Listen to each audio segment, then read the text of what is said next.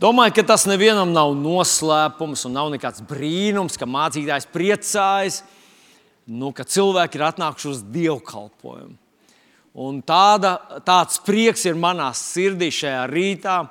Es priecājos jūs redzēt, es priecājos, ka ir tik daudz tādu patiesu dievu bērnu, kas uh, meklē savu kungu, kas nāk kopā ar citiem dievu bērniem, no, novērtē šo dievu bērnu sadraudzību, šo pleca sajūtu. Un tu nemaz nenojaut, iespējams, uh, cik ļoti liela ir tava nozīme tam, ka tu esi šeit, ka tu esi uzticams, ka tu mīli to kungu. Uh, gadiem ejot, gadiem caurējot, kad esi ziemā un vasarā, kad sniegs krīt un, un pali un, un, un sausums un, un bēgums un, un, un, un skrējiens un, un akmeņi krīt no gaisa un mitrums un cenas ceļās un cenas krīt un valdības mainās. Bet tu esi Dieva bērns, tu esi uzticams, tu ar savu klātbūtni, ar savu dzīvi liecini, Iespējams, ka kāds tevi ļoti, um, ļoti pacietīgi vēro, un tu atstāji savu liecību kāda sirdī ļoti nozīmīga. Es domāju, ka tas ir, ka, ka mūsu personīgā liecība ir, ir stiprākais, ko mēs varam atstāt šajā pasaulē, mūsu dzīves stāsts. Un tāpēc mums jācenšas ar to padalīties un neslēpt to, bet ļaut kādam citam arī ieskatīties tajā mūsu dzīvēm. Un tāpēc vēlreiz teikšu, man ļoti, ļoti liels prieks tevi redzēt šajā rītā. Tu esi īstajā vietā, jā, tā vajag darīt, jā, tev vajag. Šis nav, šis nav cilvēku pasākums. Es absolūti ticu, ka tas ir Dievs, kas mūs ir atvedis līdz šai vietai, ka Dieva plāns bija, ka šī draudzene dzīva tādā sarežģītā laikā. Viss tas sākuma process bija, bija sarežģīts, bet, bet sākuma procesa sarežģītība bija nesalīdzināma ar tām sarežģītībām, kas nāca vēlāk. Bet Dievs visam tam mūsu brīnumaini ir izvedis cauri uzvarā. Mēs ticam, mēs ticam, ka mums vēl ir garš ceļš ejams, un es gribētu, es ļoti gribētu palikt uzticīgs no visas sirds, no visas. Eh, es, nu, eh, mans dēls izteica tos vārdus kaut kad kaut kad pagājušā nedēļā, ka viņš ir par Kristu, ir gatavs mirt. Un, zinat, nu, manī tas, eh, tas, tas nav nekāds brīnums, protams, ka mācītājs saka tādus vārdus. Bet tas ir tas, ko es, kungs, es gribu. Es gribu būt līdz galam tev uzticams. Es gribu palikt ticībā. Ne vienkārši vilkt savu dzīvi līdz galam, es gribu palikt ticībā tev, Dievs. Es gribu palikt mācāms, māceklis nevis, nevis no, iebetonējies savā uzskatos, savā sajūtās. Es gribu ļaut, lai tu mani revidē, lai tu met ārā slikto un māci man labo. Es gribu iet līdz galam kopā ar tevi. Un es gribētu, lai tu arī esi pavisam netālu, lai mēs varam redzēt viens otru, atbalstīt viens otru, ticēt kopā un kopā piedzīvot daudz uzvaras. Tāpēc uh, vēlreiz man, man prieks, man jādod tev aplausus, ka tu esi šeit. Un bez šaubām mīļu un sirsnīgu sveicienu tiem, kas nevar būt šeit, kas varbūt esat tālās pilsētās, un, un ceļi ir aizsniguši un slideni tagad. Un mēs jau zinām, un, un uh, tie, kas dzīvo citās valstīs, un esat mums pieslēgušies vai uh, skatīsieties to vēlāk, mēs no visas sirds ticam, ka Dievs var pieskarties arī jums tur, kur esat viens vai varbūt kādā uh, grupiņā lielākā. Dievs ir varens, viņš darbojas nepārtraukti. Viņš ar vienu uzrunā cilvēku, viņa valstība iet plašumā. Pasaka vēlreiz, pasaka līdz ar mani, viņa valstība iet plašumā. Ko nozīmē viņa valstība? Tas nozīmē vairāk glābt, vairāk dziedināt, atbrīvot, vairāk cilvēku ar mieru sirdī, vairāk cilvēku ar cerību par nākotni. Un tas ir, tas ir labākais, ko šī pasaule vispār redzējusi un piedzīvojusi. Bet nu, šodien, mīļais, mans draugs, nu, Protams, ka uh, es nezinu, vai tu biji pagājušajā svētdienā šeit lieldienu dievkalpojumā. Man jāsaka, es sēdēju un, un, un pilnīgi brīžiem, brīžiem man sirds tādā, tādā uh, vibrēja, tādā pateicībā, godībā pret to kungu, tādā slavas dziesmā par visu to, ko mēs te baudījām. Tas bija vienkārši brīnumains dievkalpojums. šeit bija tāds koris, milzīgs koris, un es. Uh, Iespējams, ka tas nav nekas tāds, ko es vienīgais piedzīvoju, bet es piedzīvoju tādu to enerģiju, kas no šiem jauniešiem, no šiem, no šiem puišiem un meitenēm, kas šeit augšā bija, kas slavēja Dievu, kas ar to savu sirdi, ar savu dvēseli, viņi gribēja pagodināt. Tur bija Dieva klātbūtne, Dieva svētais gars, bet tur bija arī tāda, nu, tāda cilvēciska, tāda pozitīva enerģija. Un es domāju, Dievs tas ir Tas ir ideālais dievkalpojums. Es sev tādu apzīmēju, Dievs, tas ir ideālais dievkalpojums. Mēs svinējām Kristus augšām celšanās svētkus. Vai nav jauka, ka mums nav jāiziet pie mūsu kunga kapa kaut kur tur, kādā svētā nostūrī, un tur ziedu kalni un svecīts visu laiku stāv, un, un 24 stundas stāv mieru stāvot karavīri, vai ne? Nu, kā, kā pie mirušā karavīra kapa, kaut kur cilvēki dod godu, bet mums tāda kapa nav. Halleluja! Ha, ha! Uh, uh! Nav tāda kapa! Ir! Jā, jā, jā tas, tas ir fantastiski. Ir Jeruzalemē, droši vien, ka jūs arī esat bijuši Uh, ir tādas divas vietas. Viena ir tā tradicionālā vieta, kur iet milzīgas ekskursiju pūļi, un viņi skūpsta tur to akmeni kaut kur, un tas saucas Kristus kapa baznīca. Nu, es nezinu, man kaut kā tur, kad es ieju, man tas nekas tur neatgādina par Kristu. Man tur liekas vairāk tā, tā kā tāds muzejs. Un, Tie eņģeļa vārdi, kur viņš teica tām sievām, ko jūs meklējat, dzīvo pie mirušiem. Nav jāmeklē jēzus pie mirušām lietām. Viņš ir dzīves, dzīves, dzīves, dzīves. dzīves. Un tad, tad ir vēl viena vieta, kur ir atrasts tukšs kaps. Un tad vēsturnieki ir mēģinājuši sazīmēt visas tās atrašanās vietas, lokācijas, tur viņš mīra. Te ir tas kaps, visdrīzāk, ka tā ir adekvāta vieta. Un tur atrasts tukšs kaps, un tā, es esmu bijis tajā vietā. Tur, tur man ir tas sajūta, šis ir īstais. Man liekas, ka Dievs pasargāja no visām tiem zelta kupoliem, zelta visādiem krēsliem un, un šķīviem un visādām svētbildēm, kas apkarināts tur visapkārt biezā slānī. Tur nav nekas, tur ir vienkārši tukšs kaps, vēsturisks tukšs kaps. Un, Jūs zināt, tādu izšķērdību un greznību iztaisīt kapu un, ne, un priekš kādu konkrētu cilvēku viņu tur neapglabāt, to varēja atļauties tikai retais tajā laikā. Tātad visas pazīmes ir, ka mūsu kungs un pestītājs ir augšām cēlies, un tas kaps, mēs varam apskatīties, viņa kaps ir tukšs. Es esmu tur bijis. Halleluja! Halleluja! Halleluja! Bet mēs svinējām, ne? tās bija svinības iepriekšējā svētdienā. Ko? Nu, nu, Es, es tā domāju, jā, protams, mēs svinējam tas aug, Kristus augšām celšanās svētdienu, un tā, un viss pasaules svin, un, un kā mēs zinām, mūsu prezidents pats svinēja, un, un, un tā tālāk. Viss vis, vis bija, viss ir jauki. Bet es pie sevis padomāju, ko tad mēs šajā svētdienā, vai tad mēs vairs nesvinam to? Un tad es nācu pie tāda slēdziena, ka kristietis svin Kristus augšām celšanos visu savu dzīvi. Mums ir svinības visu dzīvi. Kā mēs atklājam to, kā mēs viņu iepazinām, kā viņš ienāca mūsu dzīvē, kā viņš atnāca ar visu savu klātbūtni, mieru, atdošanu, glābšanu, ar cerību. Tā mēs to svinam. Īstenībā kristiešu dzīve ir viena vienīga ballīte. Vai, vai jums tā neliekas?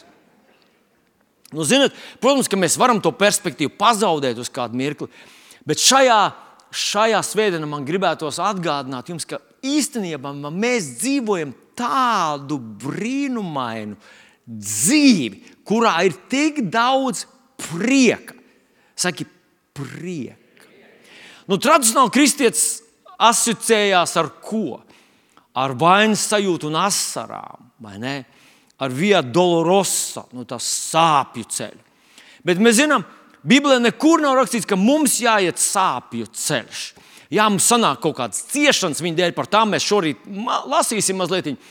Bet, zinot, manuprāt, kad mēs nu, noticam tam bibliskam konceptam, tam, ko Jēzus ir sacījis, tad kristietim vajadzētu apzināties, ka mēs dzīvojam vienu no priecīgākām dzīvēm vispār iespējamām.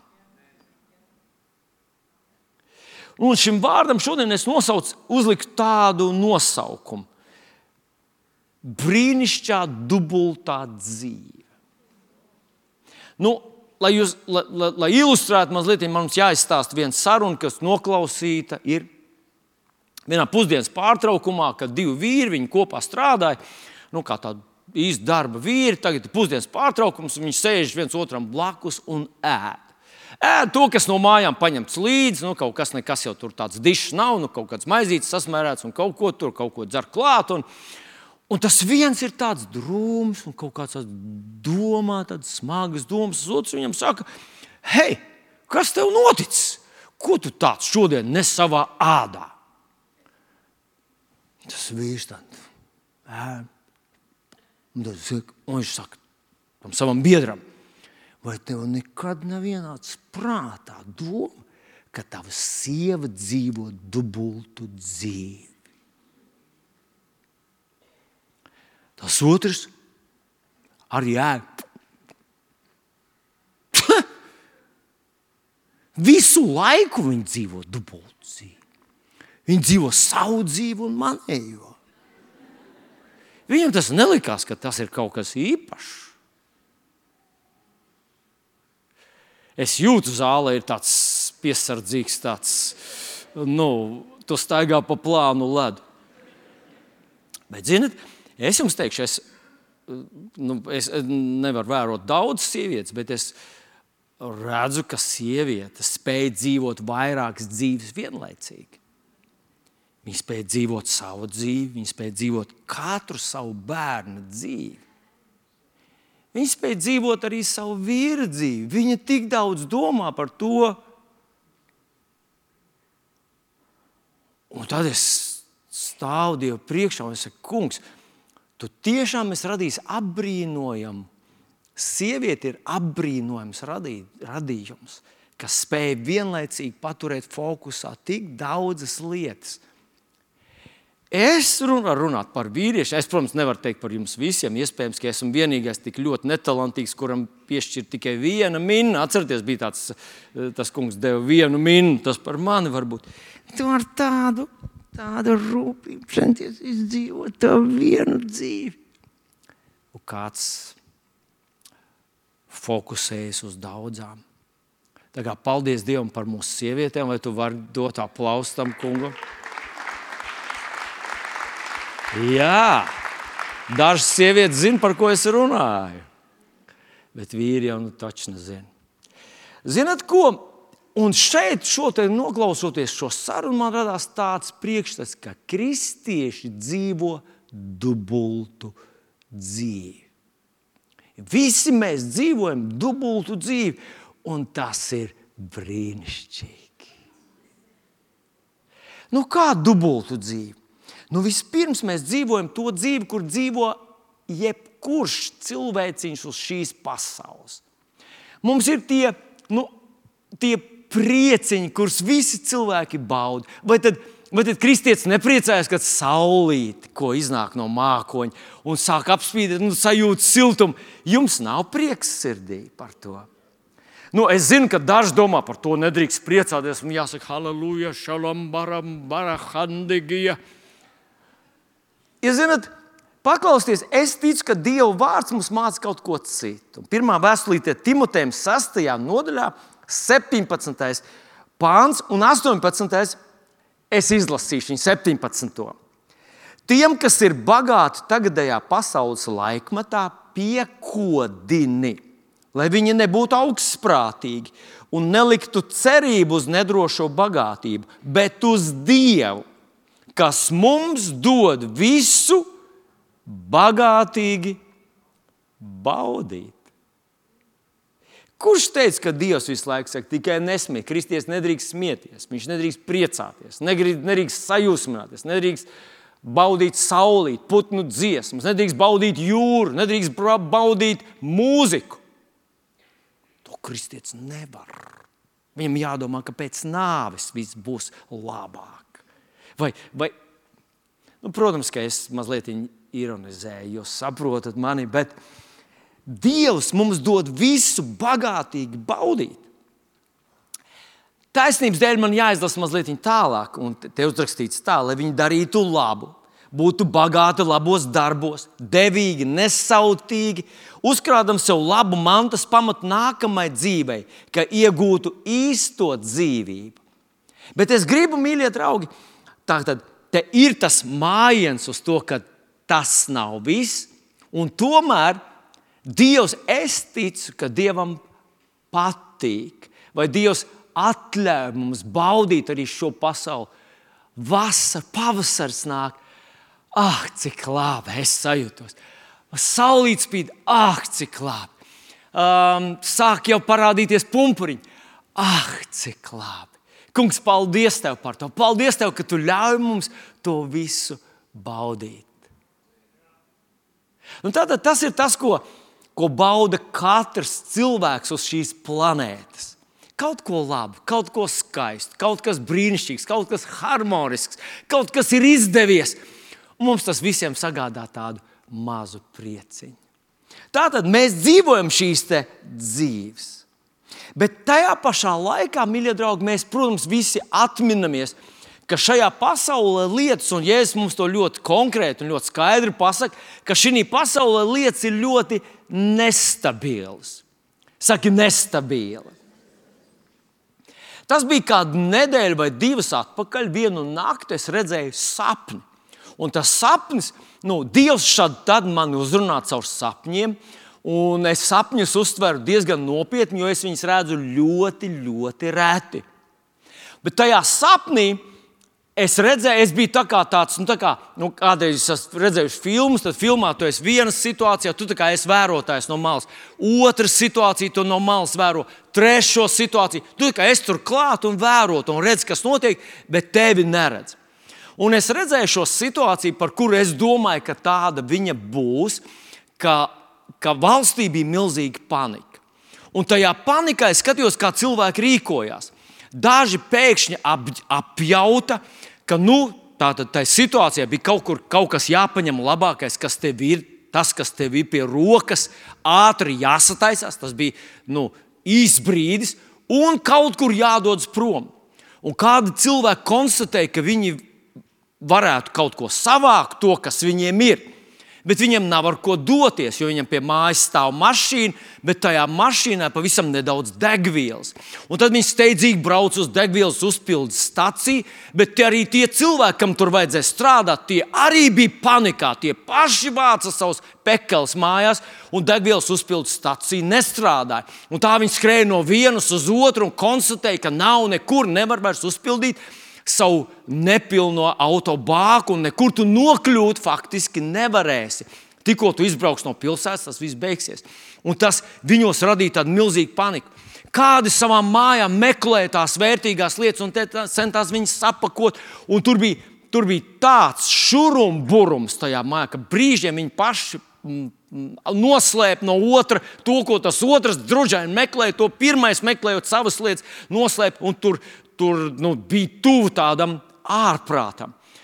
Daži cilvēki viņos pamodās tādas, tādas mežonīgas tieksmes, un viņi izmaina, izmanto šo laiku, kad nav ne apsardzes, nevar izsaukt policiju, nekas nedarbojas, lai aplaupītu citus cilvēkus. Viņi vienkārši bez kompleksiem gāja iekšā citu cilvēku dzīvokļos un ņēma ar varu, ņēma to, ko varēja paņemt un tad vēl kaut kas, un vēl kaut kādas tādas ainiņas es redzu tajā sapnī.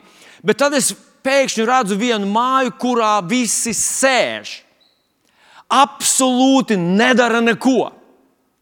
Un tad es pie sevis sapratu, šie cilvēki saprata, ir sapratuši, ka tādā panikā tu neko labu izdarīt nevari. Un viņi vienkārši nedara neko.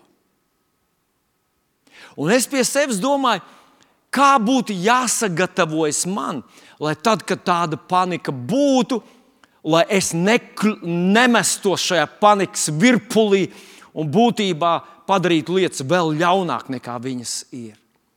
Es ticu, ka Dievs pasargās mūsu zemi. Es esmu kādu laiku atpakaļ redzējis tādu vīziju, tie ir vairāk gadu atpakaļ, kad redzēju tādu vīziju, ka uz Latvijas robežas stāv uh, Krievijas tanki ar iedarbinātiem dzinējiem, viņiem tikai vajag signālu, un tad visa tā situācija šeit, šajā zemē, būs panika.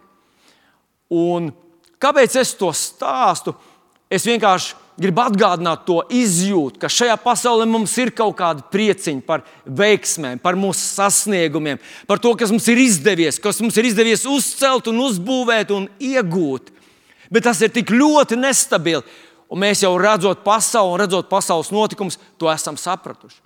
Bet tā tad no vienas puses mēs dzīvojam to parasto cilvēka dzīvi, bet ja tas ir viss, tad nu, man vēlreiz gribas atgādināt tos Pāvila vārdus, kur turpat, kur viņš 1. korintiešiem 15. nodaļā saka, ja mēs tikai šī dzīvē ceram uz Kristu, esam visnožēlojamākie. Viņš runā, ja Kristus nav augšām cēlēs, bet Kristus ir augšām cēlies. Un mums vajadzētu atcerēties par vēl kādiem priekiem, vai vēl kādu dzīvi, kur mēs dzīvojam, un tā ir dzīve, kur mums ir dāvinājis mūsu kungs. Saka to dzīvi, ko kungs ir dāvinājis. Mums ir vēl kāda dzīve, un tas ir brīnišķīgi un brīnumaini.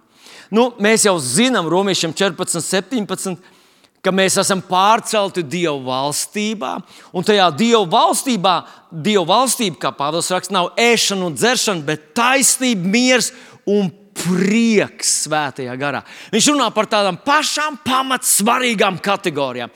Un mēs jau, es gribu atgādināt, mīļie draugi, jo kādreiz, kādreiz varbūt mēs to palaidām garām, kad laiciņā atpakaļ mēs runājam par Dievu mieru, Dieva valstībā, ka viņš, viņa valstībā miers bez gala. Bet Jāņa evanģēlijā 14. nodaļā, kur Jēzus runāja par mieru, kas jums atstāja, tad viņš saka tādus vārdus: savu mieru. Mieru es jums atstāju, savu mieru es jums dodu savu mieru. Kādu mieru? Dieva mieru. Mieru, ar kādu Dievs ir mierīgs. Tāds mums ar tevi ir dots. Mums tas tikai jāpieņem ticībā. Un man pārliecība ir, ka tieši šis pats raksturojums attiecās arī, kad viņš runā par prieku. Tātad Dieva valstība nav ēšana un dzeršana, bet taisnība, miers un prieks. Prieks ir svarīgs prieks. Un, ja mēs runājam, ka Dievs mums nav liedzis visus tos dabīga cilvēka dzīves, priekus un prieciņus, tad es ticu, ka Viņš runājot par Dievu valstību, runā par to prieku, arī kas ir vairāk nekā tikai šajā dzīvē, un šie apstākļi mums var sniegt. Un Tāpēc es gribu atgādināt raksturvietiņu no Jāņem līdz 15. nodaļa, 11. pāns, kur Jēzus saka līdzīgus vārdus. Paklausies, lūdzu. To es uz jums esmu runājis, lai mans prieks mājotu jūsos, un jūsu prieks būtu pilnīgs. To es esmu runājis, tie ir viņa vārdos. Viņa vārdos ir prieks. Halleluja! Tāpat kā viņa vārdos ir miers.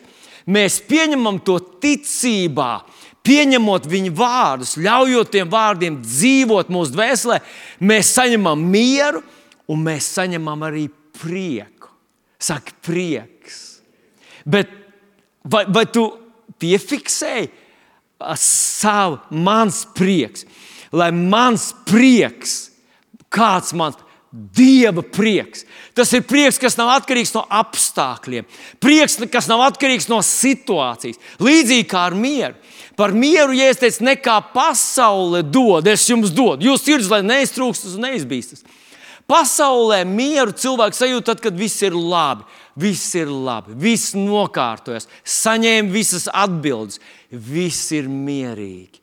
Bet Jēzus saka, es ne tādu mieru es jums dodu. Es jums dodu mieru, kas nav atkarīgs no apstākļiem.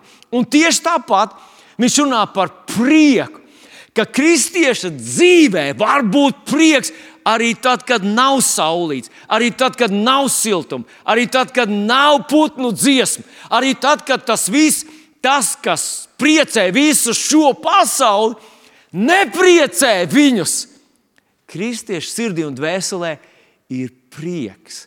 Vismaz viņš var to saņemt, viņš var dzīvot priekā. Apsolus Pāvils ik pa laikam rakstīja, nu, priecājieties. Es vēlreiz teikšu, priecājieties. Bet ievēro, ka tas ir darbības vārds. Priecājieties.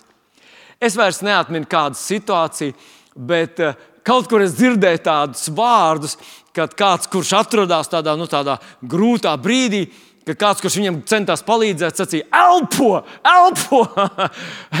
es esmu dzirdējis, kad, kad uh, mot, uh, braucējs, kurš brauc, uh, brauc pa trasi, man liekas, ka tā bija automašīna, tad parācīja viņam, saka, viņa komanda, Iespējams, ka viņi tur redz viņa tos eh, nu, bioloģiskus, biodatus, un viņi redz, ka skābekļa piesātinājums iet uz leju, un viņam parādīja, saka, elpo, elpo, tev aizmirstās elpot.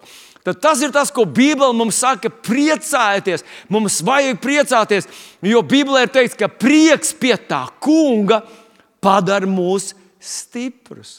Tāpēc, ja mēs ar tevi nepriecājamies, nu tad iespējams, ka mēs zaudējam daļu no tā spēka, ko Dievs bija gribējis mums dot, lai mēs tajā dzīvojam, lai mēs tajā uzvaram, kas ir paredzēts Dieva valstībai. Un tāpēc mans mīļais brāl māsas šajā rītā es mēģināšu parādīt pāris raksturvietiņas, kas ļoti konkrēti runā par lietām, par kurām mēs ar tevi varam priecāties. Pat ja ārā līst lietus, ir vēsts, drēgns un soli, ka vasara šodien būs jāizlaiž nākošais būs atkal rudens. Mēs ar tevi varam priecāties. Nu, tā tad, ko tad? Nu, pirmā raksturvietiņa, jā, gribu atgādināt Lūkas 10, 20, kur Jēzus saka tādus vārdus saviem mācekļiem. Nepriecājieties par to, ka gari jums paklausa, bet priecājieties par to, ka jūsu vārdi ir ierakstīti debesīs. Nu, mēs varētu to tādu, nu, tādu vienkāršot šo tekstu tādā veidā. Nepriecājieties par to, ko jūs darat priekš Dieva, bet priecājieties par to, ko Dievs dara priekš jums. Tas ir monolīts, tas ir nemainīgs, tas ir stabils, tas ir nezūdošs. Ko Dievs dara priekš jums, priecājieties par to. Ļoti ceru, ka tu ņemsi vērā manu padomu šeit, vai Dieva vārdu padomu, un priecāt. Vismaz sāks mēģināt ie, ietrenēt, izveidot sevī tādu tradīciju, priecāties par šīm lietām. Nu, pirmā raksturvieta, kur mums runā par tādām konkrētām lietām, ir 1. pētera vēstule, 1. nodaļa, 3. un 4. pāns. 1. pētera 1, 3 un 4. Slavēts lai ir Dievs, mūsu Kunga Jēzus Kristus, Tēvs kas savā lielajā žēlastībā mūs ir atzemdinājis dzīvai cerībai ar Jēzus Kristus augšām celšanos no miroņiem. Tātad mēs atkal runājam par Jēzus augšām celšanos, un šī augšām celšanās piedzemdēja mūs. Vai atzemdināja, vai, vai mēs saucamies jaunpiedzimuši, vai piedzimuši otro reizi. Tu taču neesi aizmirsis, ka tu esi dzimis ne tikai tajā gadā, kas tev ierakstīts pasē. Tu esi dzimis vēlreiz. Tu esi jaunpiedzimis. Šajā reizē tu esi dzimis no Dieva. Tu esi dzimis no Dieva. Tev ir Dieva gēni tavā garā. Tu esi tāds, kāds Jēzus ir. Tāds tu esi. Un tad šī Jēzus augšām celšanās mūs atzemdināja, vai piedzemdēja, vai vēlreiz piedzemdināja mūsu dzīvai cerībai. Saka, dzīvai cerībai. Cerība ir kaut kas, ko mēs kā raugoties nākotnē, priecīgi gaidām. Tas kā, nu, nu, teiksim, viena ģimenīte gaidīja bērniņu, viņa lūdza Dievu, viņa, kā Abrahams un Sāra. Un pēkšņi simts gados Sāra paliek stāvoklī. Kā jūs domājat, vai viņiem bija tāds priecīgs cerības, kāds būs mūsu dēliņš, kāds, kā, nu, nu, kā, kā viņš teiks, mamma, kā viņš skries pa to tūkstnes, kur mēs dzīvojam? Nu, vai viņiem bija tādas priecīgas cerības? Jā, jā nu, cerība ir kaut kas. Bet, bet tev ir gadījies nu, kaut kas tāds pavisam vienkāršs, kad tu tādā mīļā atvaļinājumā kaut kur brauks uz siltām. Ziemas vidū tu brauc, piemēram, kaut kur uz siltām zemēm. Ir kādreiz kādam kaut kas tāds bijis. Trīs cilvēki, četri. Pieci, paldies. Jā. Tomēr ir pajautājiet, jo tie, kam nekad nekas tāds nav bijis, pajautājiet šiem cilvēkiem. Tas ir kaut kas, ka tu vari, tas tev gandrīz vai dod spēku strādāt tajā ziemā, jo tu zini, ka pēc mēneša, vai pēc nedēļas, vai pēc divām, varbūt tu apskatās biļetes, vai tur viss ir viesnīca, rakstīts saulainais krasts, piemēram. Ne? Un tur rakstīts, all included. Un tur rakstīts, jāņem līdzi snorkelēšanai, un, un zemūdens peldēšanai, un, un, un pa gaisa lidošanai. Viss jāņem līdzi. Un tad un saul, neaizmirstiet sauļošanas krēmu, 50 plus, un nu, vēl viss kaut kas. Vai, ne? vai ko tas ar tevīm dara? Vai tu nopūties, vēl būs jābrauc? Nē, tas tā kā kaut kā tāda maza cerības siltumiņš tavā dvēselī. Tad, jā, tā atkal pārskat to. Ja tev ir brošūra, atcerieties, kad nebija internets. Tu aizgāji pie ceļojuma aģenta, un viņš tev iedeva tādu mazu bukletiņu. Un tur bija pirmā vietā tāds, gandrīz vai domāja, ka tā nav realitāte, ka tās ir debesis. Jums tā nekad nav bijis. Es, es, Es atceros to. Es ar tādu drabošu roku domāju, tas nevar būt, ka mēs tur nonāksim. Un bijām aizbraukt. Tiešām tas ūdens ir tik silts un tik zils. Un tiešām tur viss tie, tie lietu sargi vai ne saules sargi. Un tiešām tas viss ir tā. Kā tas silti. Un viņš saka, dzīvai, cerībai. Jēzus augšām celšanās mūs ir atzemdinājusi vai piedzemdējusi mūs dzīve. Tas nozīmē kaut kas, kas ir dzīves tavā dvēselē. Jā, vēl es par to nedomāju. Es, laiku, es domāju tikai kā, lai līdz kapam aizvilkt. Tu aizvilksi. Vienu, ko es tev apsolu, līdz kapam tu tiksi. Vēl šajā pasaulē nav neviena cilvēka, kurš būtu pusceļā apstājies un nav ticis līdz kapam. Visi tur nonāk. Par to nevajadzētu satraukties. Viņš te dod mums kādu dzīvu cerību, paskatīties nākotnē, bet izlasām nākamo pantu. Tā tad neiznīcīgam, neaptraipītam un nevīstošam. Tā cerība ir neiznīcīgam, neaptraipītam un nevīstošam mantojumam, kas ir uzglabāts debesīs Kas jūsu Bībelē rakstīts jums? Manā Bībelē rakstīts tev. Nu, arī manā Bībelē rakstīts jums.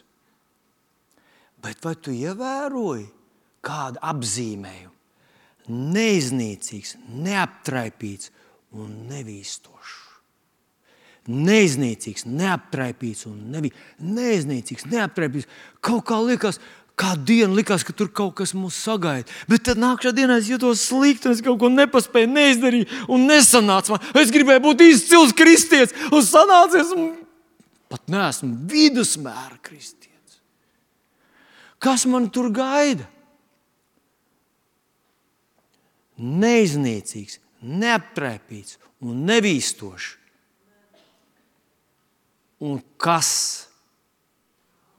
manto? Tu esi piedzimis. Romiešiem 8. nodaļā Pāvils saka, jūs neesat dabūjuši verdzības garu, lai atkal Kristus, bet esat dabūjuši Dievu bērnības. Ja nu esam bērni, tad esam arī, ja esam mantinieki, ja, ja esam bērni, esam mantinieki, Dieva mantinieki. Dieva mantinieki. Tu, tu, tu neesi vienkārši tāds, tāds pagale, kura nesadegs bet stāvēs tur iekrautas steros, dieva miljonus steros tur debesīs. Mantinieks, Dieva bērns, mantinieks. Un, ja tu esi mantinieks, viņš saka, Jēzus Kristus, līdz. Tur nav Jēzus, ir, uu, tu viņu neredzēsi, viņš ir tur augšā, un tu esi tur. Viņš saka, tu esi Jēzus Kristus, līdzmantnieks, jo tu esi Dieva bērns. Kura reliģija mums to ir nozagusi, padarījusi mums par tādu lūdzu, ielaidiet debesīs. Nu, labi, bet te, te pie sēdes tu sēdi un tālāk nesoli. Tu neesi cienīgs. Viņš nosauc mūs par bērniem. Viņš nosauc mūs par bērniem. Viņš nosauc mūs par dēliem un meitām. Viņš mums nav devis verdzības garu, reliģiskas verdzības garu. Es gribu palīdzēt man. Viņš teica, bērns! Hei!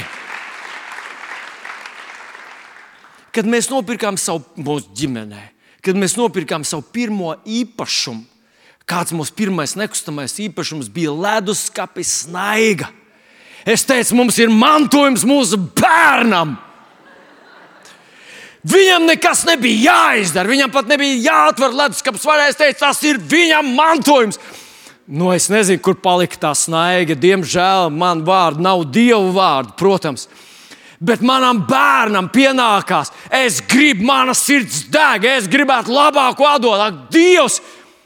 Un es, starp citu, esmu ļoti pieticīgs tādā ziņā, mans dzīves draugs ir pārāks par mani, daudz vairāk. Par bērniem sirds deg. Un tad viņš teica, ja jūs ļauni būdam, protat saviem bērniem dot labas lietas, cik daudz vairāk jūsu debesu kas? Tiesnesis, kas debesu soģis, kas debesīs tevi un mani gaida? Tēti, te tavs dēls. Viņš tā gribēja. Viņš samaksāja šaušalīgu cenu. Viņš atzemdināja mūs tam ar Jēzus Kristus augšām celšanos no miroņiem. Dzīvai cerībai, tad, kad pasaule grūst, tad, kad viss iet bojā, tad, kad cilvēki tevi atraida, tad, kad nekas nenotiek tā, kā vajag, un tu atrodies tunelī un ieraugi gaismiņu, un tas izrādās tikai kārtējais vilciens. Tev ir dzīve, cerība. Tevi gaida, kas uzglabāts, neiznīcīgs, neaptraipīts un nevīstošs mantojums. Halleluja! Un šeit, šī ziņā, tu un apustulis Pāvils esat absolūti ekvivalenti pilnīgi vienādi. Bērni! Halleluja! Vēl tie man nepazīst. Jā, es labi vien ir, ka es tevi nepazīstu. Un labi, ka tu mani nepazīsti. Arī man ir visi visādi trūkumi. Pajautā manam dzīves draugam, viņš tev pateiks. Nē, viņi solīja, ka neteiks nevienam. Tas ir mūsu ģimenes noslēpums Jēzus vārdā. Mēs gribējām pateikt, ka bērni, bērnu, nu, bērni. Dievs mūs salicis visus vienā kategorijā. Dieva bērni, tie ir mani bērni, tie ir mani dēli un meitas. Viņus gaida nezūdošs, ne, neiznīcīgs, neaptrepīts un nevīstošs mantojums. Halleluja! Vai tu par to priecājies?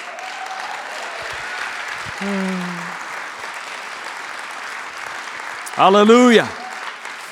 Un ievēro, ievēro, ka viņš ir pilnīgi pretējs tam, kas notiek šajā pasaulē. Šajā pasaulē nekas nav neiznīcīgs. Viss ir zūdošs, viss ir jāglabā, jātur, jānēsā kabatā visu laiku līdzi. Jo tu nevari zināt, vai kāds zaglis tev to nenozags, vai rūsa nesarūsinās, vai kodis nesēdīs. Un tādā ziņā tur būs tik krāsa atšķirība pret to, kur mēs esam pieraduši dzīvot. Neiznīcīgs, neaptraipīts un nevīstošs mantojums, uzglabāts debesīs tev. Bet ir vēl kāda lieta, par ko tev un man mums vajadzētu priecāties. Paklausies uzmanīgi. Pirmais brīdis, varbūt, kad tu to nu, ne, nesamanīsi, bet, kad es izlasīšu otro pāntu, 22, 23 pāns, tu vienkārši gribēsi kaut ko darīt. Paklausies! Lūkas evanģēlijas sastā nodaļa. Svētīgi jūs esat, kad cilvēki jūs nīst, izslēdz no savas vidus, lamā un zaimo jūsu vārdu cilvēka dēla dēļ. Mm. Svētīgi jūs esat, ka jūs apsaukā par sektantiem, ka jūs apsaukā par nozombētiem, par tumsoņiem, kad izslēdz no savas vidus, kad jūs neaicināt uz ballītēm, jo jūs nedzerat, eh, kad eh, vispār domā, ka jūs esat. Uh, Svētīgi, jā, to jau zinu, ka svētīgi. Palas, kas tur rakstīts tālāk. priecājieties viņā dienā un dejiet. Ko? Priecājieties! Vai jūs, vai jūs tikko izlasījāt, ka Jēzus sacīja, dejojiet? Vai tad, vai tad Dieva bērni dejo? Jēzus mums pavēlēja tajā dienā,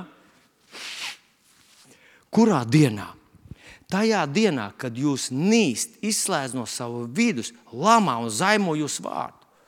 Tajā dienā, kad jūs zaimo, lamā jūs vārdu, kas jūs, kad jūs aprunā, kad jūs uzzināt, ka jūs neaicināt uz rādu sajiet, tāpēc ka esat vienkārši aptaurēts ar savu jēzu.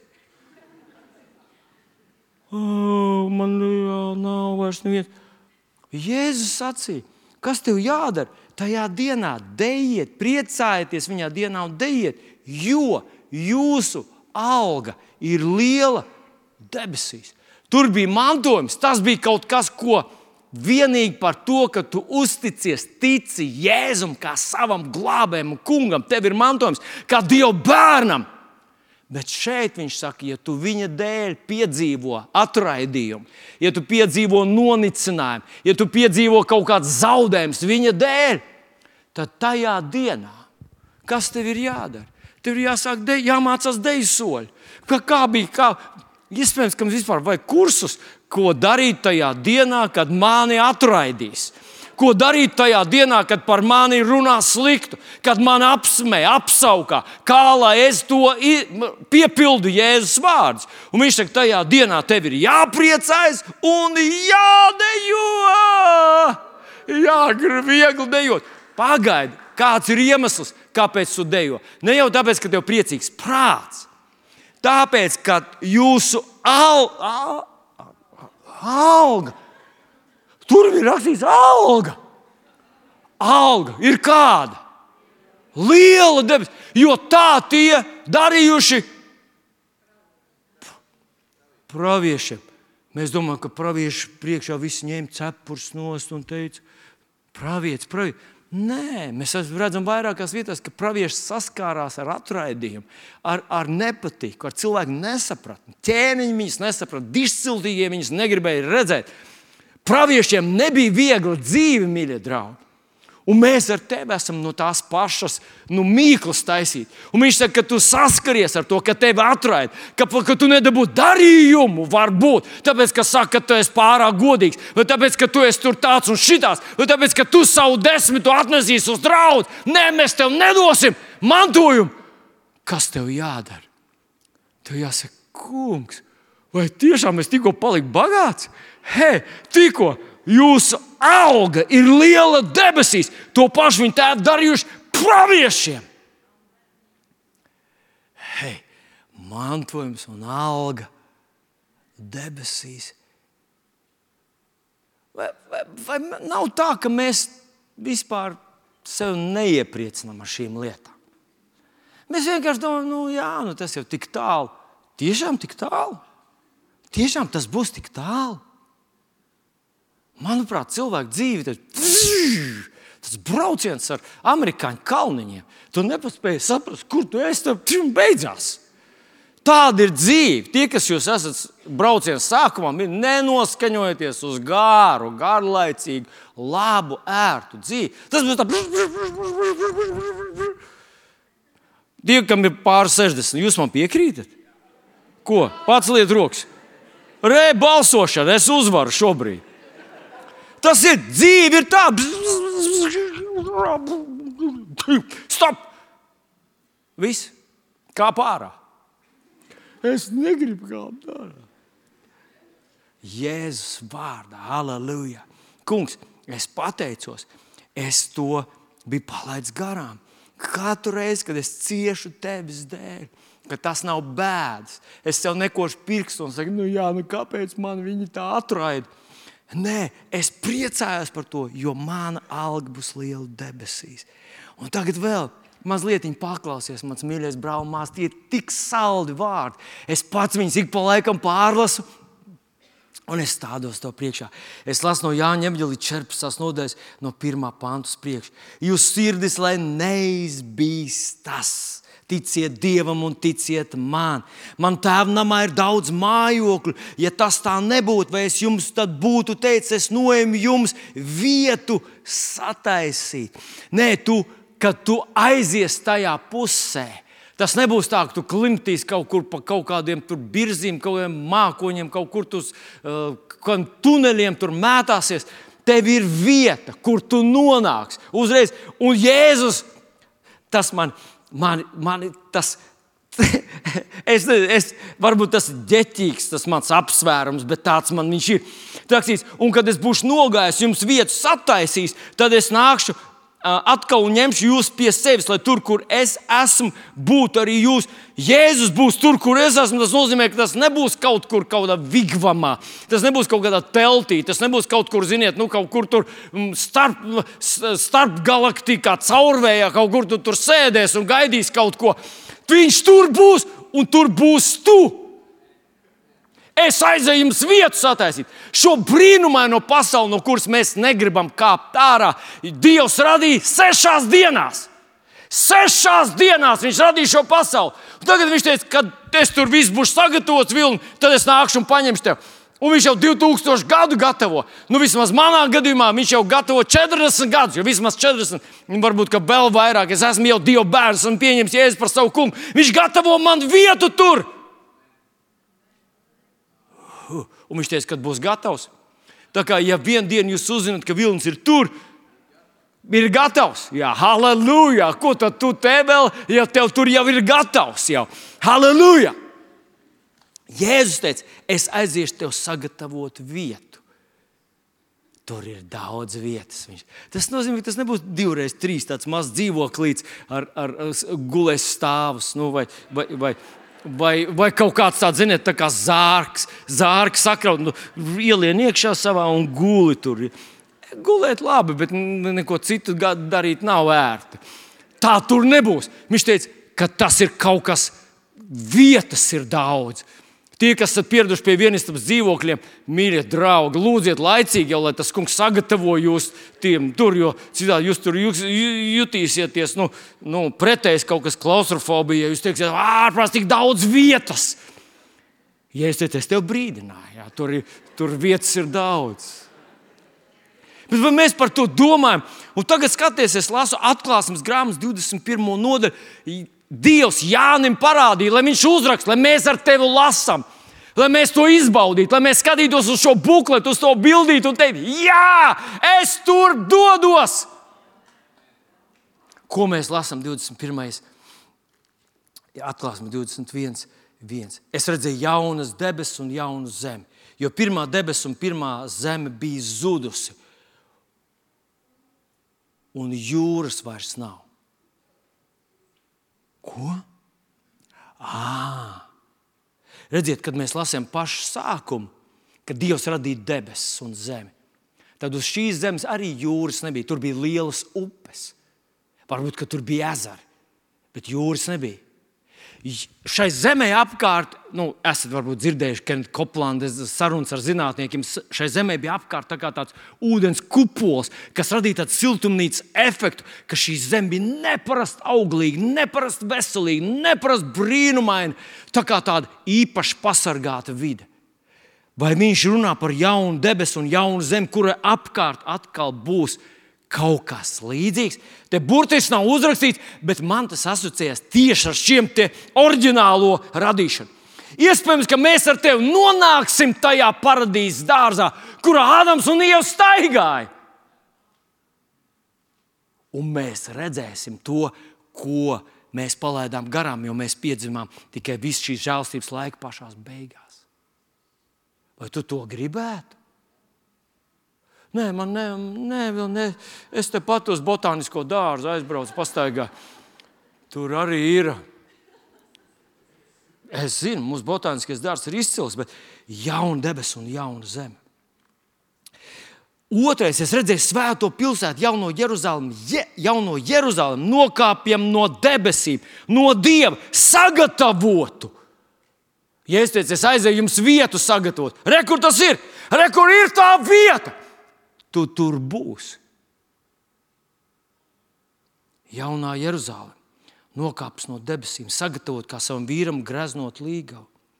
Un tad trešais pāns viņš saka, es dzirdēju stipru balsi no troņa, sakām, redzi, Dieva mājoklis pie cilvēkiem, viņš mājos viņu vidū. Viņš teica, es aiziešu jums vietu, sagatavot, ņemšu jūs pie sevis. Viņš mājos viņu vidū, tie būs viņa ļaudis, un Dievs pats būs ar viņiem. Dievs pats būs ar viņiem. Nu, es zinu, tu varbūt domā, es kādreiz esmu ar mācītāju, tur kaut ko pasēdējis un parunājis. Nekādu baudu tā nav. Es gribu tev atgādināt, ka es neesmu Dievs. Es ceru būt tur, tajā vietā. es ceru tur un atrasties Dieva klātbūtnē. Mēs lasām Bībelē, ka Mozus to bija piedzīvojis. Un viņš teica, es gribu vēl, rādi man vēl. Mēs lasām uz apskaidrošanas kalnu, kur bija Jēzus, un Jānis un Pēters.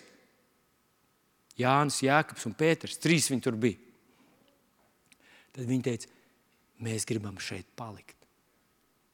Kad tu un es nonāksim Dieva klātbūtnē, mēs ieraudzīsim viņa godību. Tu neteiksi, kur te jums ir kalni, ir, kur var peldēties.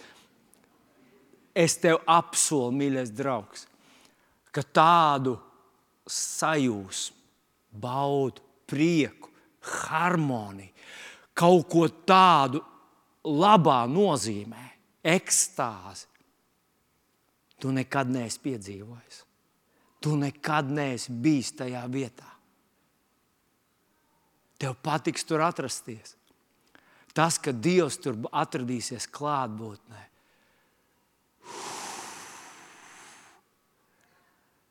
Gadi, kas sekundes skries garām bet tev nebūs gana. Tu būsi pie viņa. Bet paklausies, mēs ar vēl nebeidzas. Dievs pats būs ar viņiem. Ceturtais pants. Viņš nožāvēs visas asaras. Viņš nožāvēs visas asaras. Visas asaras. Varbūt tev dzīvē kaut kas nav izdevies, un tev ir sāpes par to. Varbūt tu esi dzīvē pielaidis liels kļūdas savā jaunībā, un tev ir sāpes, tu to nesā sev līdzi, un tev liekas, ka tā paliks ar tevi visu mūžību.